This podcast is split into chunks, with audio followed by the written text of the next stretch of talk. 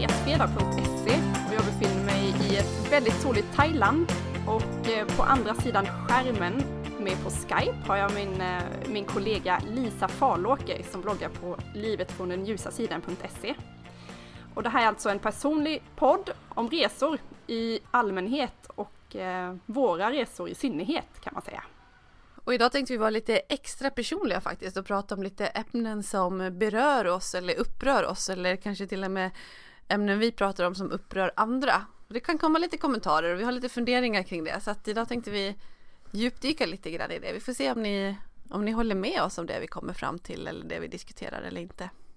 Ja, och i takt med att vi pratar i den här podcasten om resor och vi skriver på våra bloggar så kommer det ju, skulle jag säga, fler och fler kommentarer folk som, som har synpunkter om, om vårt resande eller resande i, i allmänhet. Och jag vet att jag själv satt och lyssnade på en annan podcast för ganska länge sedan som handlade om, ja, det handlade om resor.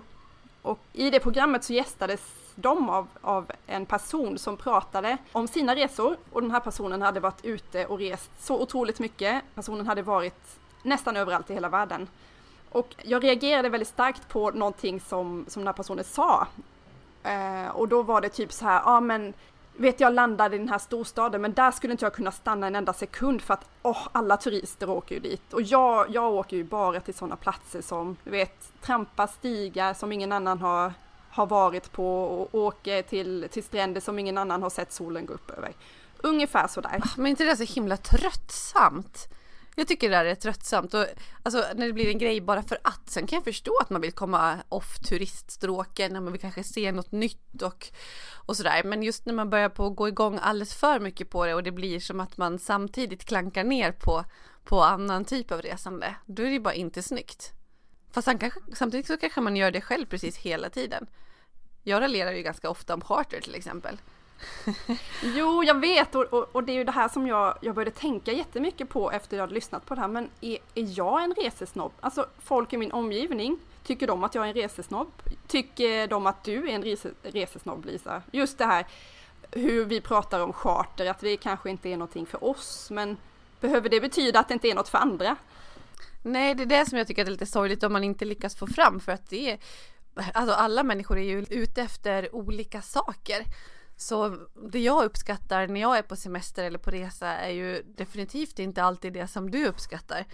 Men jag vet att, alltså jag kan ha fått höra det från kompisar vid något tillfälle så här, att de ska berätta om någon resa de har bokat och så börjar man säga så här, ja ah, jag vet ju vad du tycker om charter men eh, vi tycker att det är härligt och nu har vi bokat en vecka på, ja, någon valfri Kanarieö.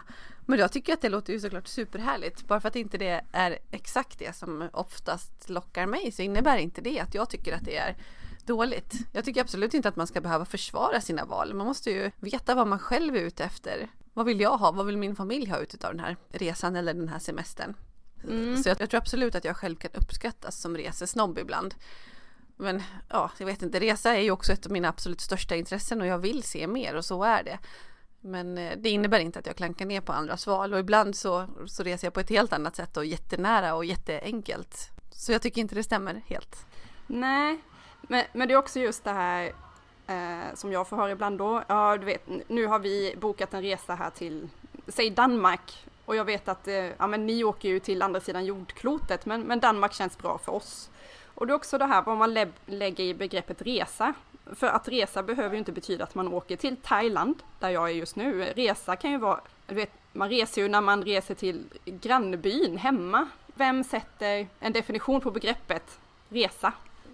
Nej men exakt, jag tycker inte man behöver hålla på och labla varken det eller sina egna resor. Just nu är jag supermycket pepp över att jag har bokat en resa till Bergen i Norge i två dagar och jag är så här, googlar jättemycket om det och tittar så att det behöver inte vara så himla allt eller inget liksom. Ja men du, du, du bokade resan till, till Norge alltså? Ja. Vi har ju pratat om det ganska länge, faktiskt i ett avsnitt här som vi pratade om. Ja men exakt, Nej, jag har ju drömt om Norge och nu har jag bokat det och jag är precis hur pepp som helst för de här två dagarna som jag kommer ha i Bergen så att eh, ja, jag tycker man kan blanda och ge lite grann helt enkelt. Men jag tycker ändå att det där är, det där är viktigt att man att jag gör ett val och att jag vill göra något specifikt. Det innebär inte att jag dissar ditt val. Det innebär inte att jag tycker att ditt val är dåligt eller att du är tråkig. Och framför allt det sista jag sa nu, att du är tråkig. Alltså skilja på sak och person är det absolut viktigaste som finns. Jag tycker inte att du är tråkig för att jag kanske inte tilltalas av just det resmålet du ska till nästa gång och vice versa. Så jag tycker att så länge man är stabil i sin, eh, sitt eget val, man vet varför man är övertygad om sitt eget val, då behöver man inte känna sig ifrågasatt utav andra. Utan frågor från andra är kanske helt enkelt ren nyfikenhet snarare än ifrågasättande. Och där tycker jag generellt att man kan uppskatta ofta att folk blir liksom lite för eh, de tar illa upp och känner sig ja, just ifrågasatta. Jag tycker det är viktigt att känna att man man vet vad man har valt själv och varför man har gjort det och då är frågorna kanske förhoppningsvis av ren nyfikenhet. Mm, vi kan ju konstatera att alla gillar olika och, och också letar efter olika typer av, av upplevelser. Det är väldigt svårt, alltså av den anledningen så kan det vara väldigt svårt att rekommendera andra var de ska resa. För det är ju en vanlig fråga vet jag som både du och jag får. Nu har vi två veckors semester, var ska vi resa någonstans? Och det är frågan. Och min första motfråga där blir alltid numera, men vad vill du ha ut av resan? Liksom, vad ser du framför dig att du vill ha ut av den här resan? Vill du ha ut fantastisk natur? Vill du ha ut storstadspuls? Vill du ha en solsemester? Ja men verkligen. Jag åker ju ofta på så här resa med eh, mina tjejkompisar och då är det en sån fråga som kan komma från andra tjejkompisgäng som är så här, men vart har ni varit? Eller nu har vi, ska vi åka en weekend med tjejerna, vart ska vi åka? Men det beror ju på, vill du ha ett lugnt ställe eller vill du ha ett festställe? Är det viktigt med maten eller är det oviktigt? Vill du ha strand eller inte? Vill du ha bra shopping eller inte? Det går ju inte att bara svara på frågan rakt upp och ner. Så det är jätteviktigt det där med vad vill du ha ut av semestern? Det går inte att det går inte att bara rekommendera någonting rakt av utan att veta vad, vad man faktiskt söker på det specifika stället. Nej, och då kan vi också komma tillbaka till att inte döma andra i just vad de vill ha ut. För många så är det jätteviktigt, man har sina, säg fem veckors semester på ett år och då orkar man inte hålla på och kuska runt med barnen eh, som, som ni har gjort mycket. Man ska boka tusen olika flyg och anslutningar och transfers och man, man, man, vill inte ha det. Man vill åka till flygplatsen, man vill åka i ett flygplan. Eh, sen ska någon möta upp en där med en buss och man vill eh, åka till hotellet och slappna av, få maten serverad, ligga på en solstol och bara ha det skönt. Ja, och det är väl precis hur grymt som helst och just det som man är ute efter ibland. Så nej, inga värderingar i det. Men sen så tänker jag också på hur man ibland kan få feedback om vissa ställen ja, men till exempel, nu, nu pratar jag Sri Lanka igen, vilket jag har gjort i flera avsnitt, men det blev tydligt där för att jag har pratat om några stränder som jag tyckte var jättebra och att jag gillade Sri Lanka väldigt mycket som ett alternativ till Thailand. Men sen var det någon som sa att jag kan inte förstå att ni var så nöjda med Sri Lanka. Vi tyckte inte alls att det var bra. Jag bara, nej, nej, men varför tyckte ni inte det? frågade jag. Nej, men det var inte särskilt turkost vatten och sanden var inte särskilt vit. Så nej, de stränderna var ingenting för oss. Och jag förstod inte ens vad de pratade om. Jag tror inte att jag hade reflekterat över den exakta färgen på vattnet eller eh, sanden. För att för mig var det Alltså det var mycket, ganska mycket vågor och det gjorde att inte vattnet blev så jätteturkost. Men vi hade så otroligt kul i vågorna och låg där och liksom bodyboardade där och hade superkul i vattnet och hade jättehärliga stränder. Det var den här känslan som jag vill ha. För jag gillar att det ska vara en viss känsla på stranden. Att man, man hör liksom lite musik från en högtalare. Man ser barn som spelar fotboll på stranden. Gärna lokalbefolkning. Och man sitter där. Ja men det är liksom det jag vill åt. Så att det här vit sand jag tror inte att det ens är med i min eh, värld med hur jag bedömer olika resmål. Men eh, tror du inte att det finns en viss uns av snobbism ändå då? När man, både i hur vi agerar och reagerar och pratar om de här ämnena. Jo men absolut och jag vet att jag fick någon kommentar någon gång gällande så här, ja ah, okej okay, så ni gillar det där, ja ah, jag vet inte, jag kanske är lite mer kräsen. jag tyckte det var en så himla rolig kommentar. Jag kommer ihåg det med, alltså att säga att man är lite mer kräsen än någon annan, det betyder ju att säga att man inte nöjer sig med det som någon annan nöjer sig med. Eller? Ligger inte ganska mycket värdering i det uttalandet egentligen? Ja, men men har, har du sagt så någon gång till någon annan då? Ja, jo du vet Grekland är jättebra men Nej, inte just jag är lite mer kräsen, inte till någon annan i en jämförelse, det tror jag faktiskt inte att jag har gjort.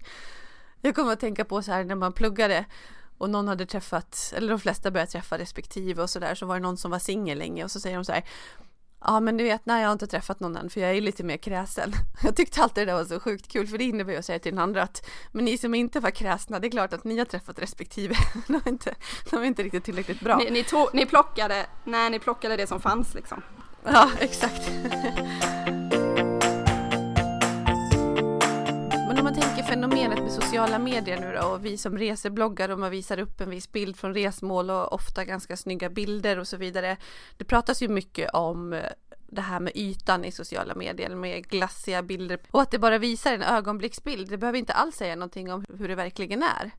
Jag tycker inte att det behöver vara något fel i att, att, att bara visa upp härliga bilder. Eh, om man har som, som syfte att man vill inspirera. Jag tänker, jag tänker ganska mycket på bilderna som jag lägger upp själv på, på både min reseblogg och på eh, mitt Instagramkonto. Eh, jag tycker väldigt mycket om att ta kort, så jag, jag väljer de korten som, som jag tycker är fina och som inspirerar.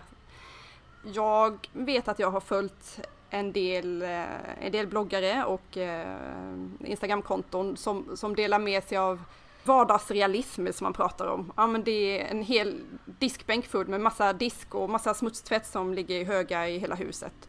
Och jag kan absolut då och då lägga ut någon sån bild, men det är inte det som jag själv kanske går in på en blogg och vill inspireras. Då är det kanske inte det som jag vill ha.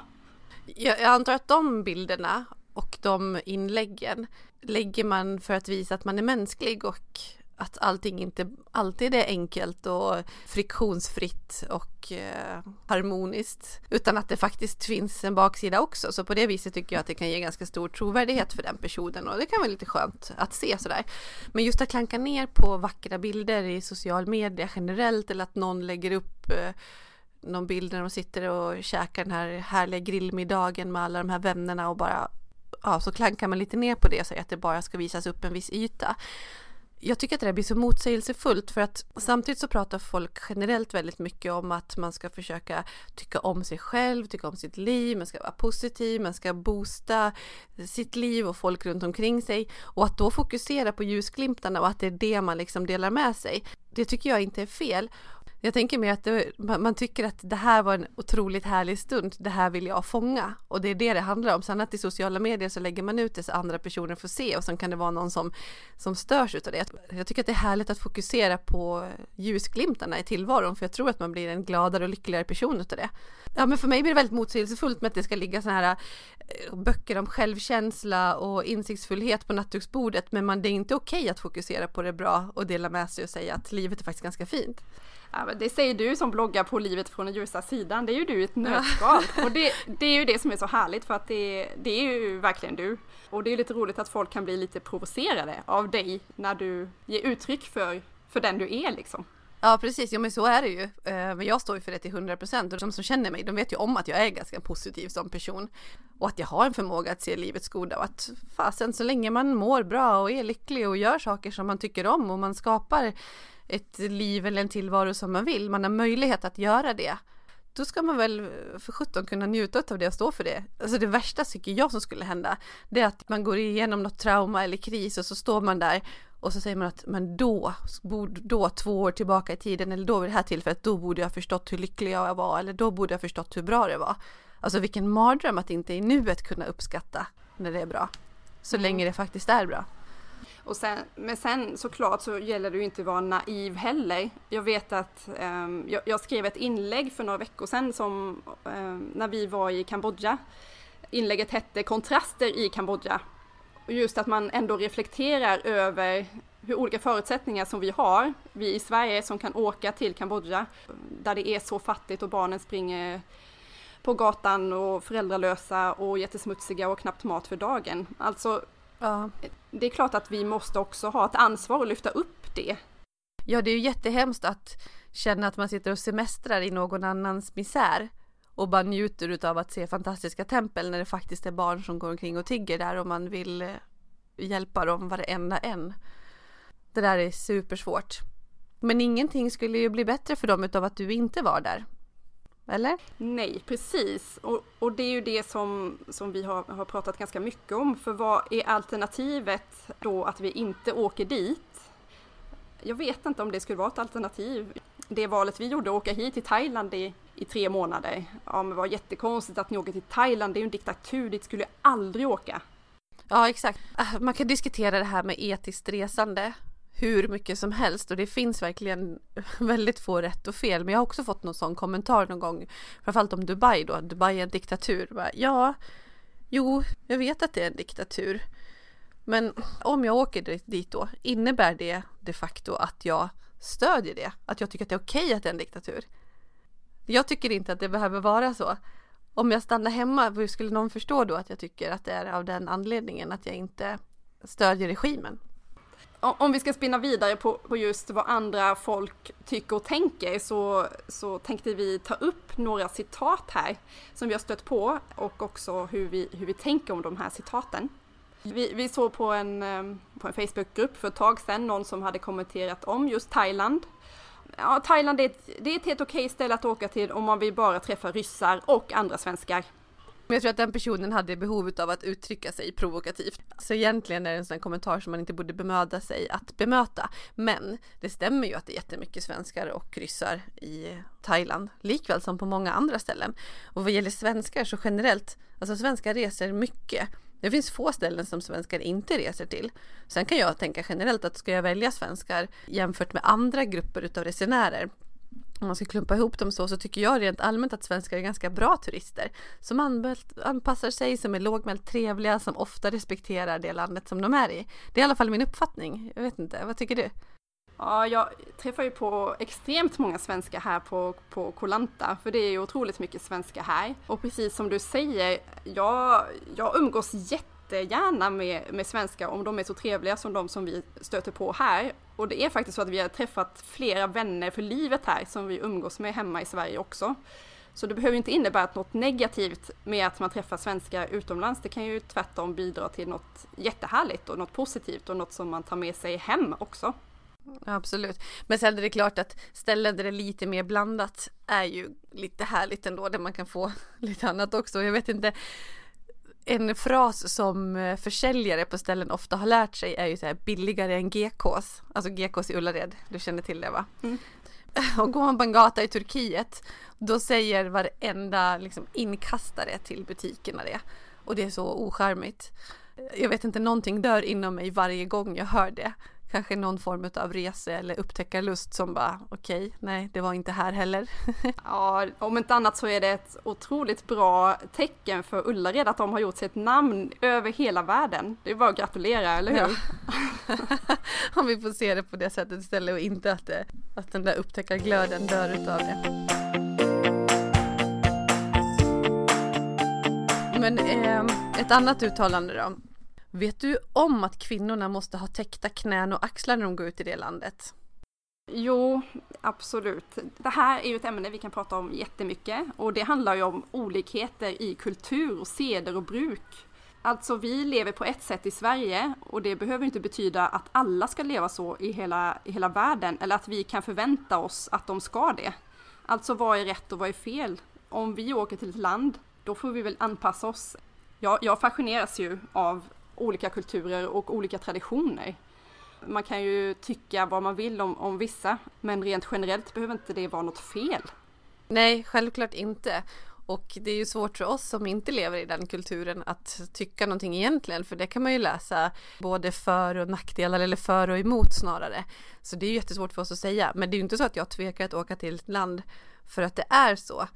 För samma sak igen, det innebär inte att jag stödjer det till 100% men det innebär inte heller att jag tycker att det är jobbigt att jag måste anpassa mig när jag går ut på offentliga platser. För jag tycker att det är superhäftigt att uppleva den kulturen och att se det här och jag har inga problem med att det här är deras tradition, då får jag se till att klä mig på ett sätt som är lämpligt när jag är utanför hotellområdet till exempel.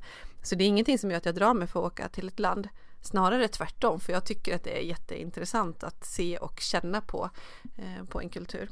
Och det är väl också en av anledningarna att man, att man reser runt. För om allting vore precis som det är i Sverige, alltså då hade vi ju egentligen inte behövt åka någonstans, eller hur? Nej men exakt så. Barn då, det är ju ett helt kapitel för sig. Det drar ju ner otroligt mycket kommentarer. Ja, senaste tiden har jag fått väldigt mycket kommentarer kring just att resa med barn. En, ett av de vanligaste påståendena är väl du vet, studier visar att barnen kommer inte ihåg någonting före tre års ålder, så det är totalt meningslöst att resa med dem innan de fyller tre, typ. Ja.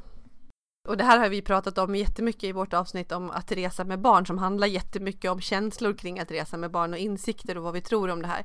Så det har vi ju bemött i det avsnittet. Men generellt är det ju även där olika uppfattning. Reser vi för barnens skull eller vår egen och vill resa tillsammans med barnen?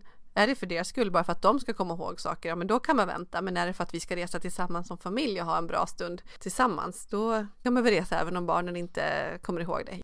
Jag förstår inte det där uttalandet överhuvudtaget. Men det är inte ganska taskigt mot barnen att åka så långt med dem. Det är ju jättejobbigt för dem med resor och tidsomställning och eh, alltihopa. Rycka upp ett barn från sin hemmiljö.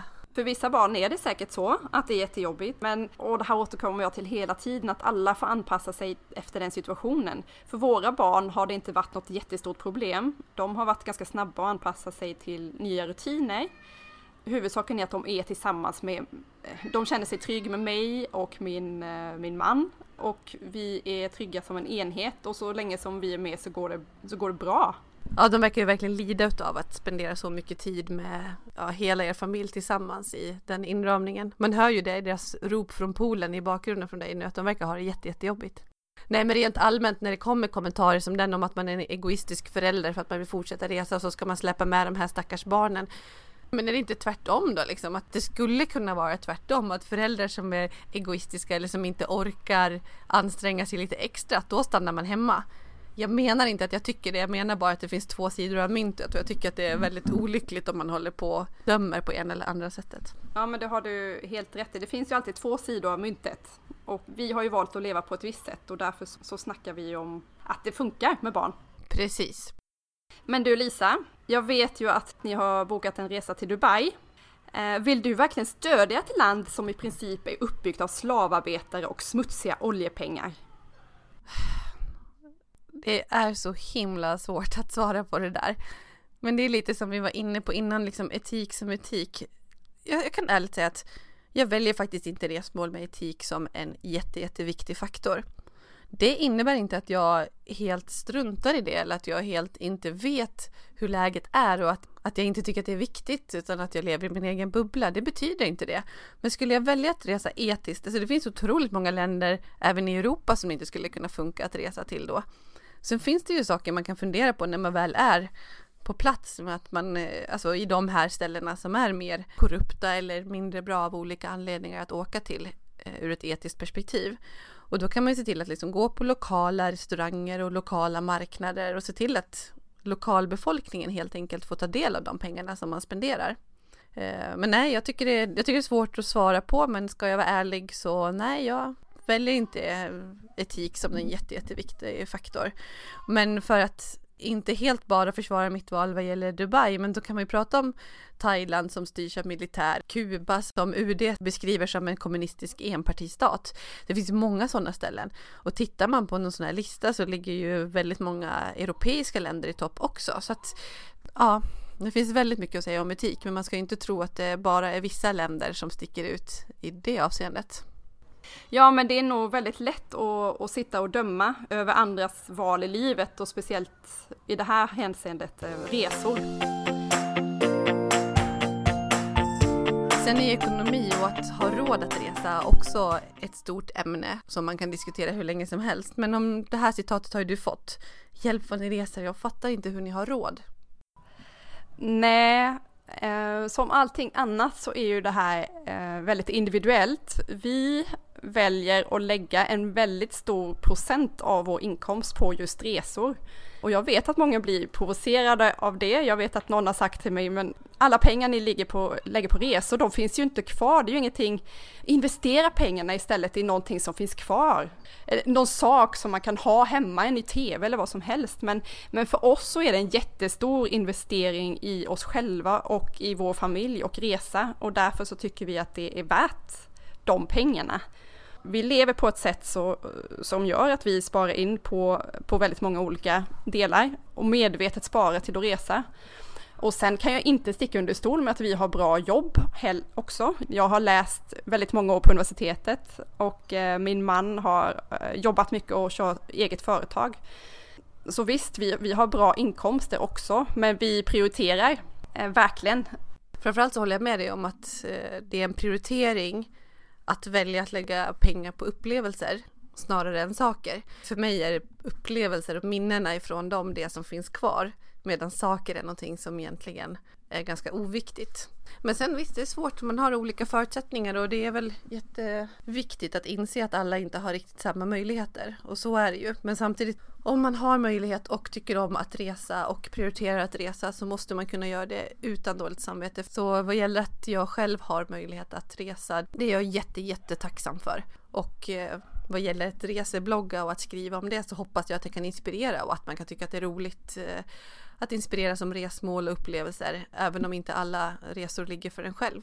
Nej men på tal om, om ekonomi och vad man kan göra och inte göra så, så måste jag ge ett litet tips här. Det är en, en kompis som har, som har kört igång en kampanj som heter Reseprocenten.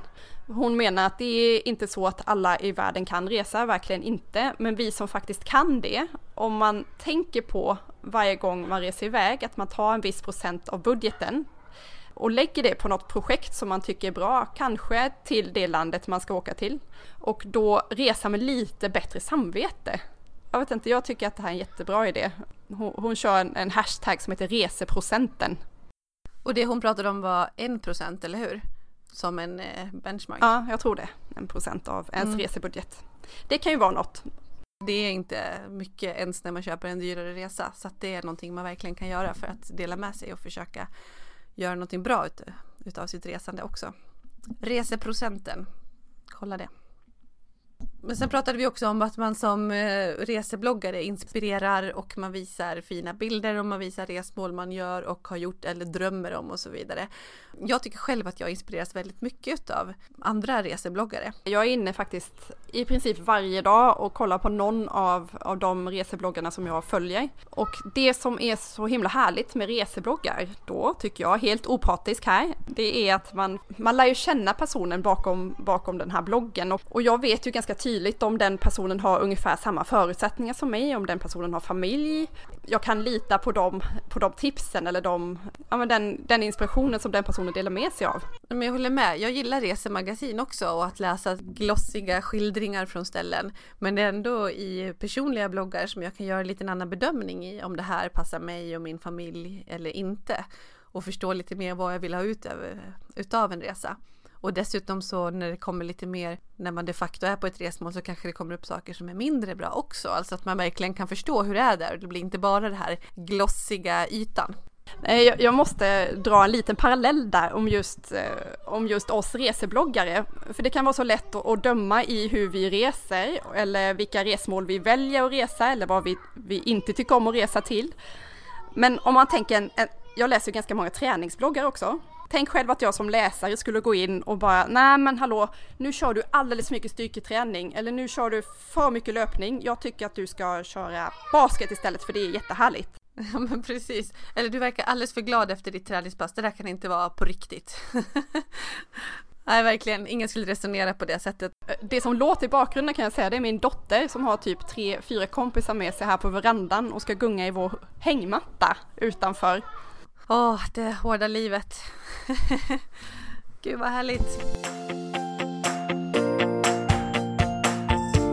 Ja, och som veckans lista så tänkte vi att vi skulle spinna vidare lite grann på det här med resebloggare eller bloggare generellt som vi inspireras utav och eh, varför.